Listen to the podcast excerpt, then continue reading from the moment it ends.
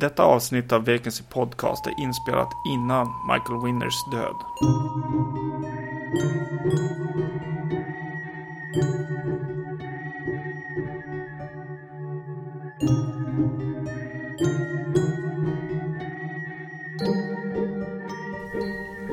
Hej, välkomna till avsnitt 28 av Vacancy Podcast. Det är jag, Erik Nyström.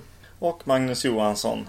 Precis som vanligt. Eh, Och som vi utlovade i förra avsnittet så kommer vi här att riva av våran första Charles Bronson special. Mm. Hur många det blir vet vi inte. Men vi kommer i alla fall att se två Charles Bronson-filmer. Mm. Eh, och för er som kanske inte vet vem Charles Bronson är så är han i alla fall död. Eh, han dog 2003 tror jag. Men han... Eh, en actionskådis, en eh, genrefilmskådis. Startade sin karriär på 50-talet, gjorde väldigt mycket TV och biroller. Sen fick han någon eh, skjuts under 60-talet eh, och var med i en del western och eh, lite klassiker. Magnificent Seven och Dirty Dozen och, och några andra filmer som var lite större. Han drog till Italien och blev en av de här som gick i Clint Eastwoods fotspår. Även om Clint Eastwood kanske inte var först. Och gjorde lite genrefilm i Italien. Kommer tillbaks till USA på 70-talet och blev Hittade sin nisch som en slags eh, lågbudget eller lägre budget action thriller skådis. Mm. Spelade ofta polis eller eh, hårdhudad rättsskipare. Mm. Trots att han var över 50. Så, och gjorde det under 70 70-talet, eh, 80-talet och även en bit in på 90-talet innan han dels blev för gammal och dels eh, dog. Ja. Eh, ja, precis. Det är säkert många eh, som är lite äldre än oss som har haft honom som någon slags, ja, våra, deras Arnold Schwarzenegger eller Ja. Sylvester Stallone eller så. Eh, kan jag tänka mig i alla fall. Skulle man kunna tänka sig, nu hittar jag bara på eh, Gissa vad det här att när vi hade så här Sylvester Stallone eller Arnold Så var det för vissa Charles Bronson eller Clinton Mm. För de gjorde ungefär lite lika Liknande typer av filmer ungefär samtidigt Charles Bronson lite lägre status kanske Mm. Men eh, jag kom ju in på Charles Bronson ganska sent. Det var bara några år sedan som jag... Jag vet precis varför. Jag vet inte om jag hade... Jag hade sett några filmer han var med i. Men inte utan att tänka på att det var Charles Bronson direkt. Eh, som jag såg eh, Jerry Seinfeld stå upp där han nämner Charles Bronson i någon sån här... Jag tror han nämner det ur det här Vända andra kinden till kristna begreppet That really never worked out for Charles Bronson. Det är någonting sånt Mm. skämt om att han han alltid har en tendens att hämnas hela tiden. Just det. Och då tänkte jag, ja, Charles Bronson har jag ju som inte riktigt koll på. Så då blev det ett litet projekt under något år där jag såg väldigt många av hans filmer. Ja, precis. Så jag hakade väl på där och fick eh, se några så här guldkorn. Vad man ska säga. Jag tror jag filtrerade lite grann där och såg Ja. vilka vi skulle se. Mm, och eh, ja, Death Wish är väl den som är hans stora i mina ögon på något sätt. Ja. Eller i alla fall eh, Eh, startskottet till att börja se hans filmer. Jag har också senare liksom eh, köpt och sett en hel del eh, Charles Bronson. Men som sagt, det är ganska nyligen som vi börjar se de här filmerna. Mm. Och som vi nämnde i- för två avsnitt sedan att ja, han känns verkligen som en lämplig... Om vi ska göra en skådespelare som vi ska återkomma till så känns hans filmer som de passar ganska bra. Då det är väldigt, ofta väldigt enkla actionfilmer. Plus att man alltid kan blanda upp det med lite annat. Lite italienskt om man vill det. Och, Mm. och det, är inte, det är inte alltid på fullaste allvar kanske. Eller Nej. åtminstone gör den låga budgeten att det inte blir på fullaste allvar. Nej. Och eh, det finns väldigt mycket film att välja bland. Ja. Jo, precis. Och han är ju alltid där inne i någon typ av genrefilm känns det som. Ibland blir det lite skräckigt och ibland blir det mycket hämnd då förstås. Ja. Eh, och action. Och inte sällan i New York eller liknande. Ja, precis. Så det kommer att bli en del New York-skildringar. Ja. Var så säkra. Men hur som helst, vi nämnde även i förra avsnittet vilka filmer vi kommer att prata om. Har sett och kommer att prata om i det här avsnittet. Och det är alltså The Me- Mechanic från 1972 och eh, Ten to Midnight från 1983. Och vi börjar väl eh, direkt med The Mechanic. Kronologisk ordning, ja. Handlar om en eh, Charles Bronson spelar någon som heter eh, någonting med Bishop. Jag är väldigt dåligt på att ta reda på vad hans karaktär heter i filmen eftersom jag tänker att det är bara Charles Bronson. Precis. Och det kanske inte är så viktigt heller. Han spelar i alla fall en yrkesmördare för en organisation, eller maffian är det väl egentligen. Mm. Som efter att ha utfört ett uppdrag på, lite på omvägar blir bekantar sig med, med sonen till mannen han har dödat. Som ju då inte vet om att det, det är Charles Bronson som har eh, utfört uppdraget att döda hans pappa. Mm. Och eh, de blir kompisar. Så småningom blir han även varse om, att, om eh, yrkesmördarrollen och eh, vill liksom lära sig yrket. Ja. Jag tycker direkt att det är roligt att få lite inblick i... Och ofta en yrkesmördare i en film är någon som rör sig i skuggorna och runt omkring liksom filmen på något sätt. Han dyker upp som, som ja, det är något slags mörkt hot som, som alltid finns där. Eh, Men här är det ju huvudrollen och det är väldigt intressant att få följa med in i hans eh, livsstil som han upp, eh, upprätthåller här. Som lejd-mördare, vart pengarna går helt enkelt. Han har ju inrett ett riktigt dyr, dyr villa Ja. med en riktig så här, ja vad ska man säga, det är en riktig så här ungkarlslya på något vis med en bassäng eh, som går in eh, i köket nästan. och, eh, och ut på, på gården och ja det är, I så här vräkigt tidigt 70-talsstil. ja precis. Så det är, det är rätt kul att bara titta på hur hans lägenhet ser ut. Mm. Och ja, jag vet inte. Bör, för mig så börjar det kännas som att den här podcasten är lite så här förtext podcasten. Du gillade Då- förtexterna igen. ja, D- Dario Argento förtexter. Eh, som dyker upp här. Och eh, de här är väldigt väl genomförda tycker jag. Det är en sån där film som eh, visar all, alla inblandade i början av filmen. Och Mm. sen är det väl i slutet, står det väl bara slut liksom. Mm. Men eh, de har få, fått in det fint med eh, och skapat något slags intresse i bakgrunden av de här texterna. Till vem Charles Bronson spelar i den här filmen. För man får som bara följa med en man som eh, Jobbar. Som, ja, precis. Den är ju väldigt långt hela det här introsekvensen. Så får vi alltså se han utföra ett uppdrag. Och vad kan det vara? 15-20 minuter det tar för honom. Han scoutar lite grann, han tar några bilder, han, han ger, alltså förbereder och utför. Mm. Och det är ju i princip ingen dialog. Han säger ingenting. Man hör väl andra prata i bakgrunden men det, det tar säkert 20 minuter innan Mm. Charles Bronson knorrar ur sig någonting. Ja, Och Det är precis. efter han är klar med det första uppdraget. Det är lite, lite pyssligt sådär. Man bara liksom undrar vad gör Han smyger sig in i en lägenhet och byter ut några tepåsar och häller något som ser ut som typ eh, Nutella-kräm i en bok. Just det. Och, och, och vad liksom, det blir lite intresseskapande. Mm. Alltså, vad, är han, vad är han pysslar med egentligen? Och eh, sitter där på andra sidan eh, gatan till någon lägenhet och, och, och sitter med kikaren i fönstret. Och jäklar vad Hitchcock äger den där eh, sitta med kikare i fönster och titta på grannarna delen av min hjärna på något sätt. Jag kan ju inte inte tänka på rear window, jag vet inte.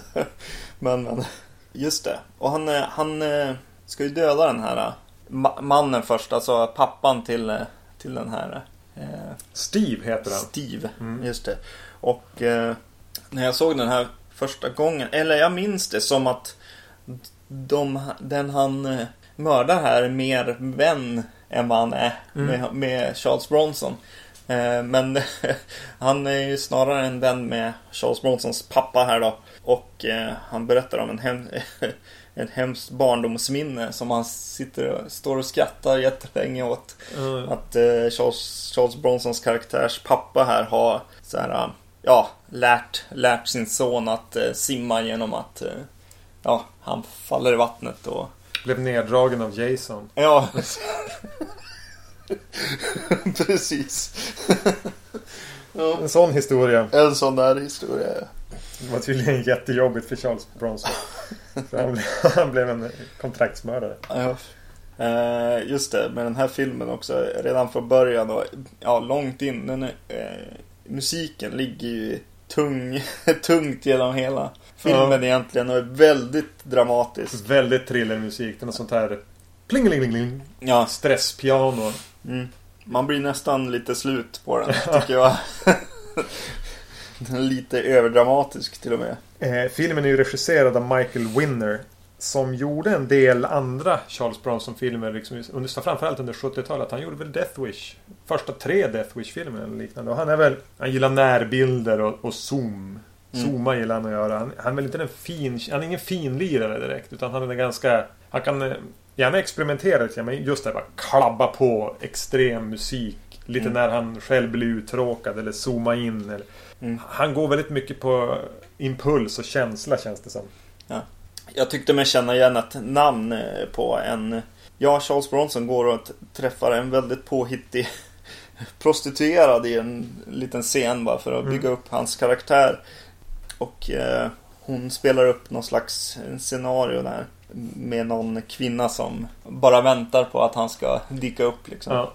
Och eh, hon som spelar den kvinnan heter Jill Ir- Ireland. ja. Och det eh, tyckte jag, jag hajade till på namnet. Och eh, kollade upp henne och det verkar ju som att hon har varit med i otroligt många Bronson-filmer. De var hon- även gifta. Ja, precis. Jo, precis. Och henne får vi så här, ha någon slags bingo här Mm. eh, under året.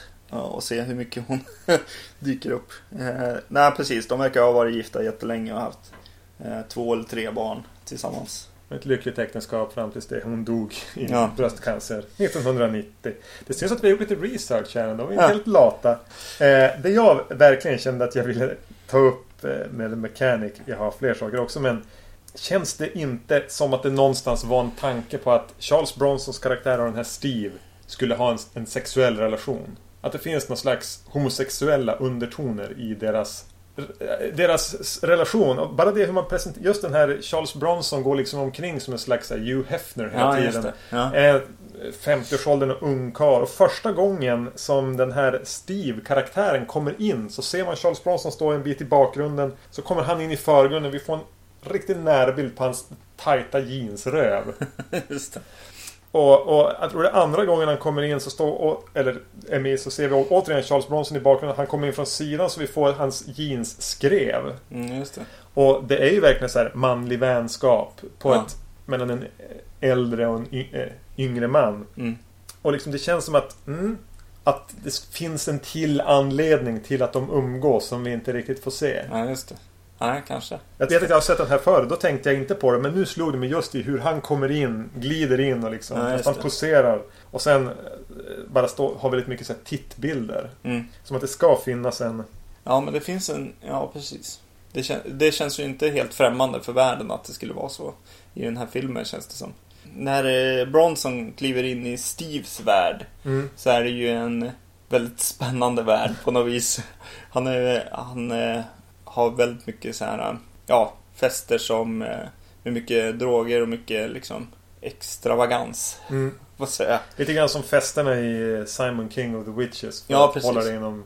Fester man nästan på något sätt skulle vilja vara på. Ja, Kanske. ja just det. Ja, det var, och plus att de har den här lärare-elevrelationen som är lite gullig. Ja, just det. Där han liksom ska lära han hur man skjuter med gevär och, och, och Mm. lära han att det är viktigt att kunna karate eller köra bil och sladda. Och, Ja, och samtidigt går de runt och har lite så här eh, platta, platta filosofiska idéer om liksom kring att döda och vem som får döda och vem som ger en rätt att döda. Mm. Jag måste ta upp en, en eh, scen här med en... eh, Det ringer under den här festen så ringer en tjej till den här Steve som ska ta livet av sig. Mm. Och eh, Steve och eh, Bronson åker, eh, åker dit eh, till henne och i princip bara observerar medan hon liksom eh, eh, skär sig i handlederna och... Eh, och Charles Bronson konstaterar ju till och med att det här kommer att ta ungefär två och en halv, tre timmar innan du är död. Ja, precis. Och eh, Steve är där och bara retar henne egentligen. Ja, nej, det är en, det är en väldigt ovanlig scen att se på något sätt. Ja. Det, eh, det känns som att ändå av, av, av allt i den här filmen så känns den scenen som det som liksom ja, står som unikt eller eh, filmens höjdpunkt på något sätt för mig i alla fall. Att, eh, att den finns där och, och någonting som, eh, som man kommer att ta med sig. Samtidigt känner jag riktigt att som, som ganska många scener här inte riktigt kommer fram. Det känns som Nej. att det här är en film som hade kanske behöva skrivas om något varv. Och kanske ha en, en regissör Eh, känns inte som jag ska skylla på Michael Winham. Men det är en del som inte riktigt når fram. Där man inte riktigt prickar in tonen. För å ena sidan vill den vara som den scenen har ju en grym potential att vara en sån ganska hemsk och cynisk scen. Ja. Ja.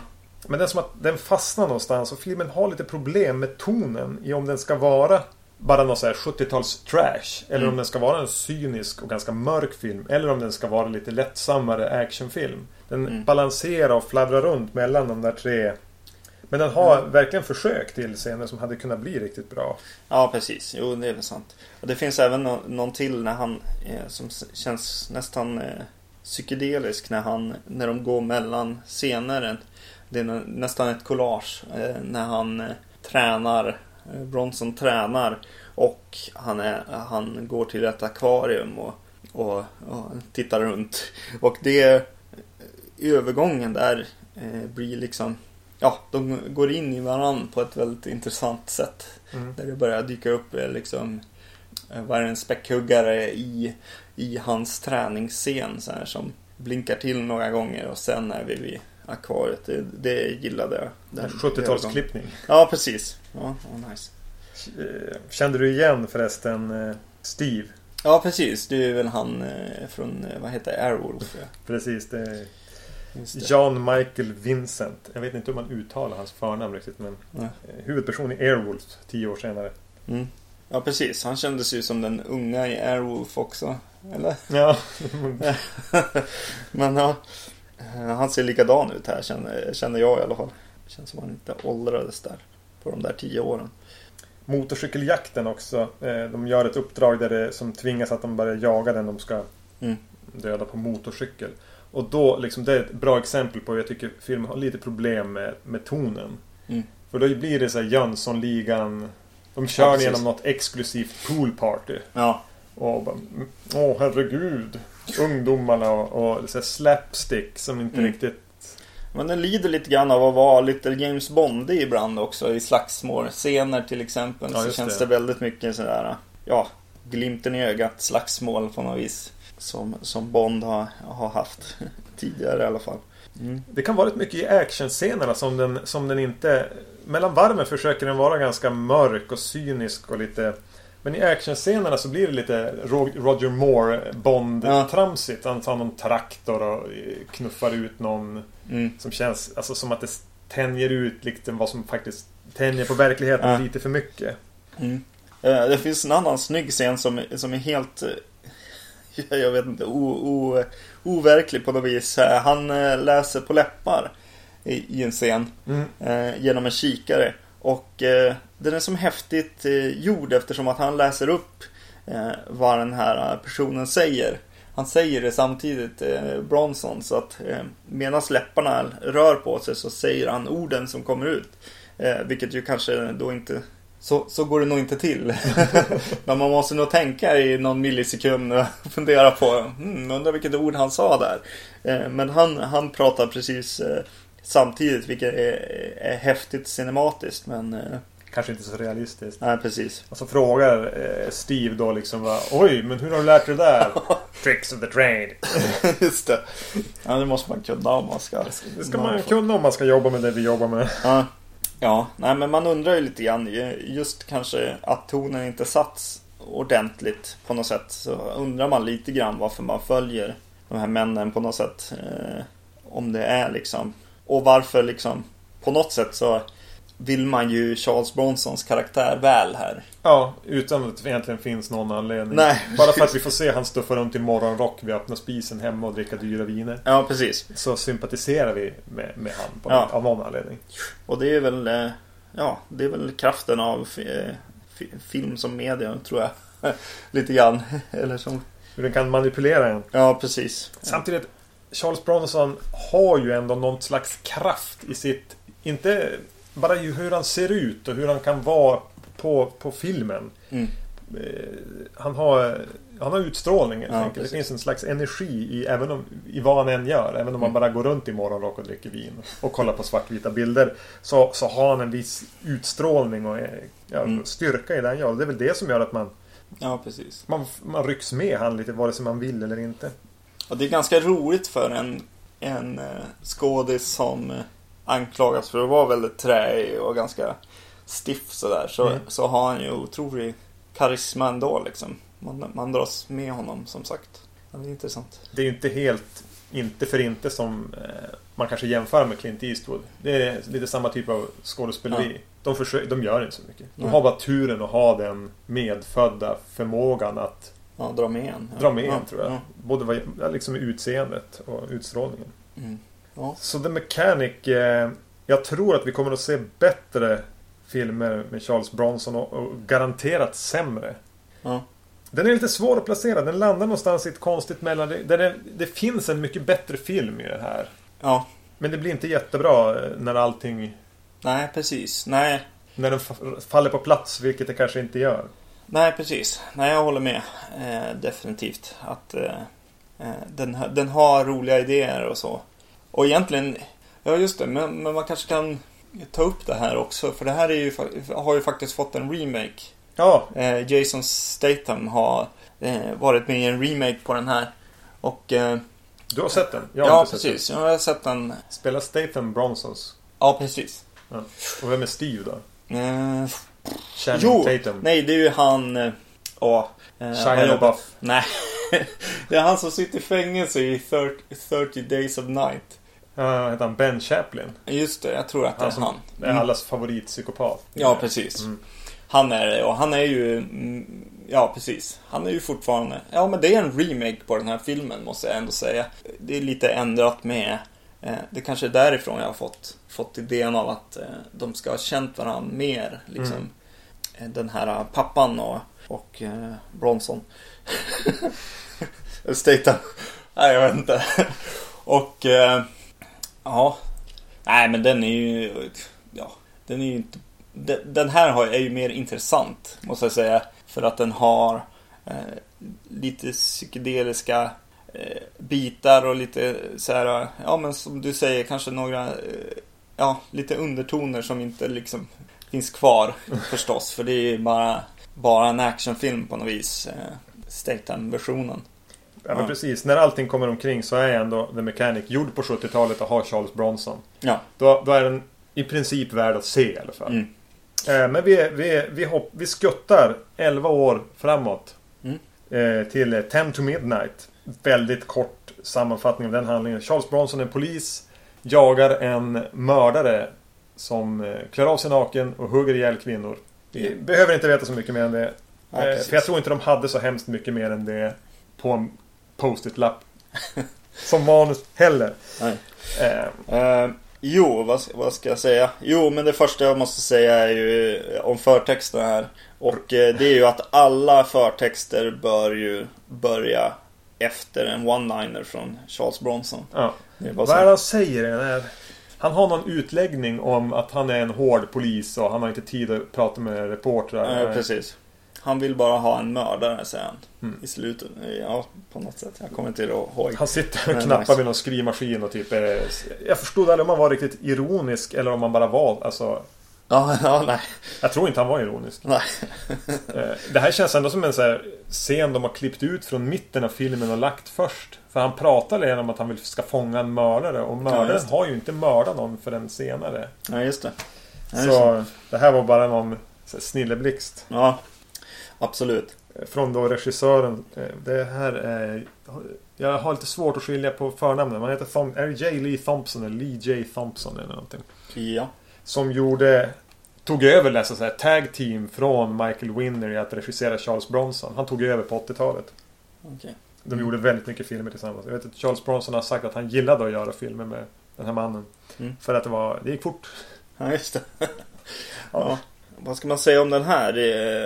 Den, den är ju uppdelad i... Den är ju lite annorlunda mot en vanlig liksom eh, thriller. Det känns... Eller som en deckare egentligen det här. Han ska jaga en mördare här. Och eh, vi får ju redan från första stund eh, följa den här mördaren. Ja, ja, det är inte direkt någon hemlighet. Nej.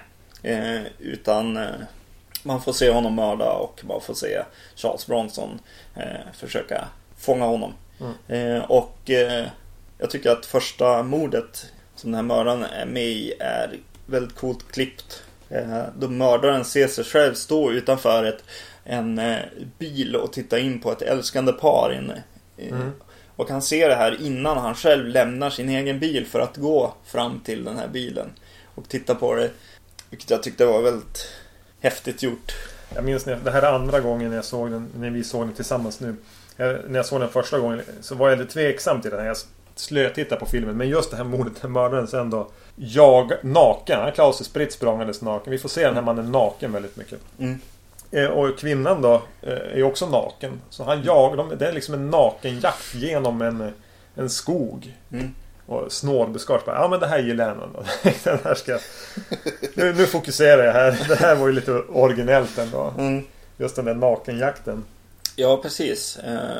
Eh, genom, genom den här filmen på något sätt så börjar jag tänka på eh, ja, filmen egentligen, men man kanske ska tänka på fallet egentligen. Eh, Zodiac-filmen tänker jag på ibland. Ja just det här första mordet är Ja. väldigt... Eh, som hämtat från, från Zodiac. Ja, ja precis. Och eh, ja, det är andra saker som, som känns som det stämmer, stämmer överens på något sätt med att de har tittat på det fallet. Eller så är det bara eh, seriemördar eh, research som har gått in i den här filmen på något sätt. Det känns som att vissa saker så här eh, kommer upp eh, runt den här mördaren. Det är, det är djur som har dödats när man, när man var ung och Ja, när, de, när han var ung och sånt där. Eh, lite sådär. Jag tänker att eh, manusförfattaren till den här har läst igenom några artiklar om, om kanske Zodiac eller Ja, eh, eller om seriemördare och haft uppsatt på sin anslagstavla när han så att Ja, knappade ihop manuset. Mm, det här ska jag ha med på något sätt. Eh, den påminner också om eh, American Psycho. Vid något tillfällen när man får följa mördaren hemma hos sig. Han, har, han, har, 80, han har 80-tals musik. Han håller på det, tar på sig parfym och han är väldigt noga med hur han ser ut. Mm. Eh, han, han eh, är väldigt vältränad och eh, gillar kampsport. Och så- att klä av sig naken. och klä av sig naken då förstås.